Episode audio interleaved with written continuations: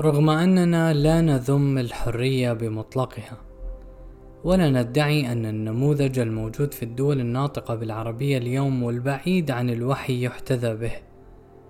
إلى أننا في الوقت نفسه ندرس ما أدى إليه مفهوم حرية التعبير الذي يزعم الغرب أنه حل لكل المشكلات ويجعلونه الهدف الأعظم الذي يمضون إليه وينطلقون منه. لنرى حقيقة إن كان يستحق السعي أو الطلب أم أنه مجرد حلة براقة لضلال كبير هذا المقال يسلط الضوء على بعض الإشكالات التي أدى إليها مفهوم حرية التعبير الكاذبة والغير منضبطة في تلك البلاد بصور واقعية من الولايات المتحدة الأمريكية. أنا محمد صباح وهذا بودكاست نحكي شوي. في هذا البودكاست راح نتناول مواضيع مهمة جريئة أحيانا مزعجة. كل الجهود المبذولة في هذا البودكاست ما بتغنيك أو بتمنعك أنه تبحث أكثر. لا تتبنى أي آراء لا تتبنى فكري ولا كل ما أقول. خلينا نحكي شوي.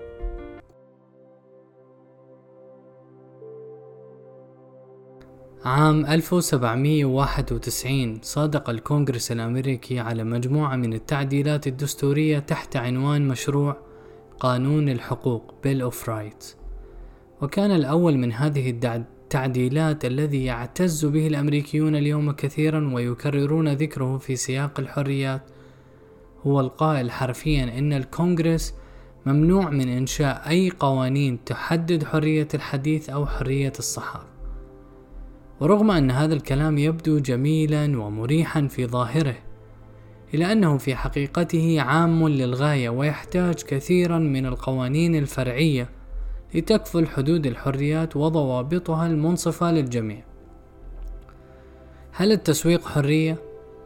ربما يتبادر هذا التساؤل ما علاقة التسويق بالحرية؟ أليس التسويق مجرد ممارسة إعلانية تجارية تهدف لبيع وشراء وتبادل اقتصادي عادي؟ صحيح، لكن الواقع هو أن الشركات في الولايات المتحدة استغلت قداسة التعديل الدستوري أعلاها في النفوس فادعت أن تسويقها لمنتجاتها جزء من حرية تعبيرها الخاصة وأن من حقها أن تقول ما تريد وقت ما تريد وأينما تريد عن منتجاتها بغض النظر عن آثار قولها من خداع للمستهلكين أو تكليفهم فوق طاقتهم المادية. لقد كان ذلك تسهيلا للكذب في الإعلانات وتوجيه التسويق للقطاعات سريعة التأثر. ووضع العبارات التي لا أساس لصحتها على العبوات وذلك كله مندرج تحت مسمى حرية التعبير. التي تجعل جهود الحقوقيين لمنعها عسيرة جدا. إلى أنه بعد الكثير من الجهود وضعت قوانين لحماية المستهلك وما زالت تخضع للتعديل باستمرار وسط معارك قضائية بين الناشطين ولوبيات الشركات الكبرى. يقول بروفيسور القانون في جامعة هارفارد جون كواتس في دراسته المعنونة استيلاء الشركات على التعديل الأول. إن القوة الآن تسحب من الأفراد العاديين ذوي الاهتمامات والهويات البسيطة ناخبين وموظفين وعملاء. وتحول إلى الشركات البيروقراطية الكبرى ذات الأهداف الموجهة بدقة لتحصيل أموال الناس. مظهرا أن أكثر من 40% من قضايا الشركات القانونية عام 2001 كانت متعلقة بالتعديل الدستوري الأول.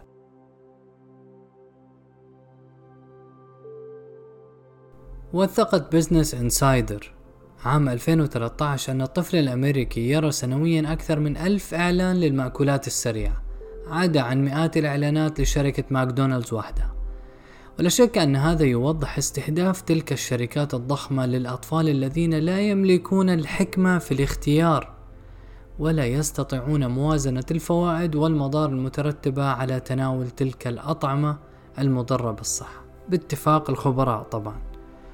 والعجيب هنا أن المعيق الأساسي للحكومة من منع الشركات من استهداف الأطفال بإعلاناتها هو حرية التعبير في التعديل الدستوري الأول ال First Amendment وهذا ما أشار إليه باحثون في قوانين الطعام عام 2012 حين قالوا إن حقوق حرية التعبير المتعلقة بالتعديل الدستوري الأول تمنع الحكومة من إنشاء أي قانون يحدد حرية التعبير الخاصة بهذه الشركات وبالتالي يكون أي قانون يمنع شركات المأكولات السريعة من توجيه جهودها الإعلانية للأطفال مرفوضا مباشرة حسب هذا القانون.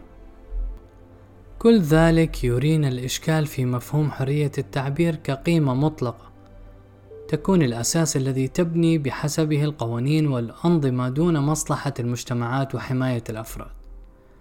ورغم أن حرية التعبير لا ينبغي أن تشمل بشكلها المتوقع التسويق أو المنتجات الغذائية إلا أن مفهومها الفضفاض والهالة الكبيرة التي رسمت حولها سمح لهذه الشركات باستغلالها لتبرر كذبها عليهم واستغلالها لهم وقد نجحت في معظم ذلك حتى الآن.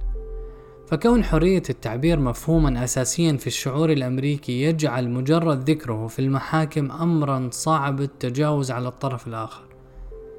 مما يحسم القضايا القانونية بشكل شبه تام بمجرد التلويح بالمساس بحرية التعبير.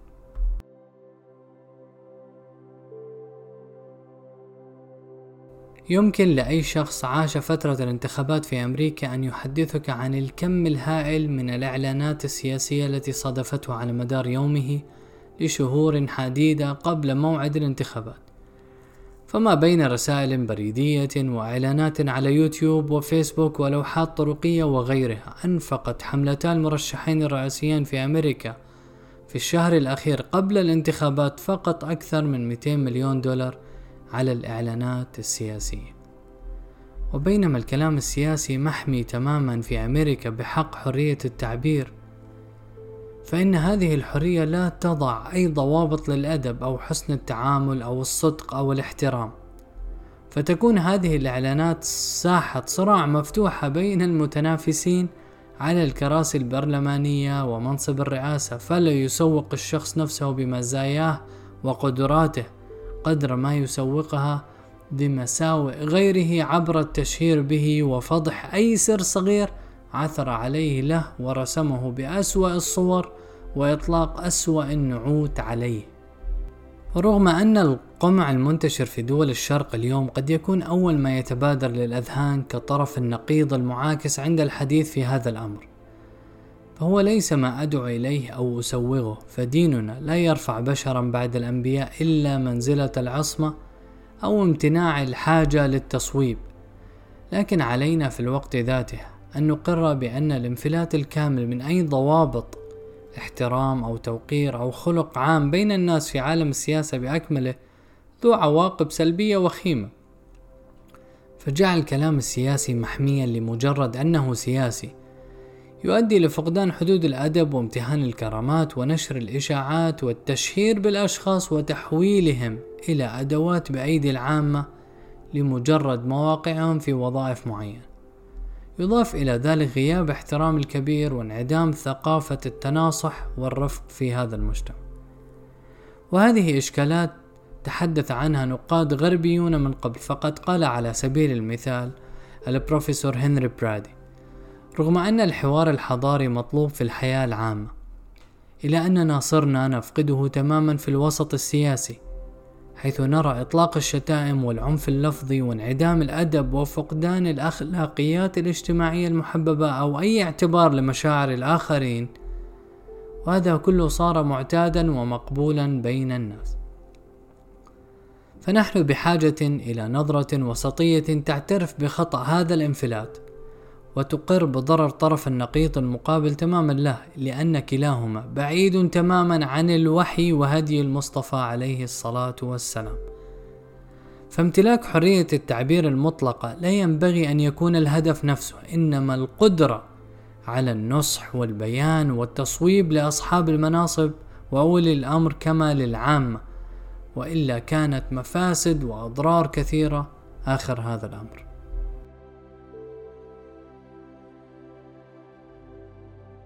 ختاما بالنظر لبعض مآلات حرية التعبير الغير منضبطة في الغرب يظهر للقارئ أن المفهوم نفسه يتضمن إشكالا كبيرا فالتمييز بين حرية المرء التي تكفل حقوقه وبين الانفلات الذي يجعله متجاوزا ومتعديا على غيره أساس لم يبنيه الغرب اليوم. فهذه الدول قررت أولا جعل حرية التعبير رمزا مبجلا وسبيلا للخلاص من الظلم ثم أخذت تسن القوانين حوله لحمايته قبل حماية الناس منه. والواقع أن هذا ضياع لابد أن يقع فيه أي شخص يخترع قوانين مختلفة لتنظيم حياة البشر دون العودة لوحي رباني أو شرع ذي مصدر غيبي. فعلم الإنسان بطبيعة نفسه محدود بينما علم الله أو علم الله به كامل. فلما نبذت الشعوب الوحي وجعلت تبتدع لنفسها مقدسات جديدة تنطلق منها كان من الطبيعي أن تخطئ وتقع في متاهات تجعلها تحاول تعديل الدساتير. وإضافة أخرى على الدوام حين تكتشف أخطاؤها والتجاوزات التي قادت إليها قوانينها. ولعل قائلا يسأل هنا ما المشكلة إذا كان البشر يخطئون ويصيبون ثم يعودون فيصححون الخطأ. وهنا نوضح أن المشكلة هي تركنا المعين الصافي الذي فيه السعادة الحقيقية واندفاعنا للبحث عنها في أي شيء آخر. وهذا الشيء لم ولن يتحقق للبشر لأنه بشري في مصدره وطريقته وغايته. فالكمال غير موجود إلا في شرع الله العليم الخبير بما يصلح لنا وما لا يصلح لنا. ألا يعلم من خلق وهو اللطيف الخبير؟ صدق الله العظيم. أما محاولة تكميل الدساتير الوضعية باستمرار فذلك سبب لضياع حقوق وأعمار كثيرة في هذا الطريق. ولن تهدي لمراد الله تبارك وتعالى نهاية لأن السائر فيها. إنما يفتش عن أيسر السبل لإرضاء ناخبه. لم يطالب المسلمون وحدهم بقوانين تضبط حرية التعبير اليوم. بل إن حقوقيون كثر حول هذا العالم تحدثوا بالموضوع من قبل. وإن كان بشكل غير مباشر لئلا يغضبوا الشعوب المخدوعة بأن حرية التعبير سبيلهم لنيل كرامتهم وعدم الرجوع في الحال التي كانوا عليها قبل التحرر من سلطة الكنيسة والانطلاق في عيش متمركز حول الإنسان وهو. سلام.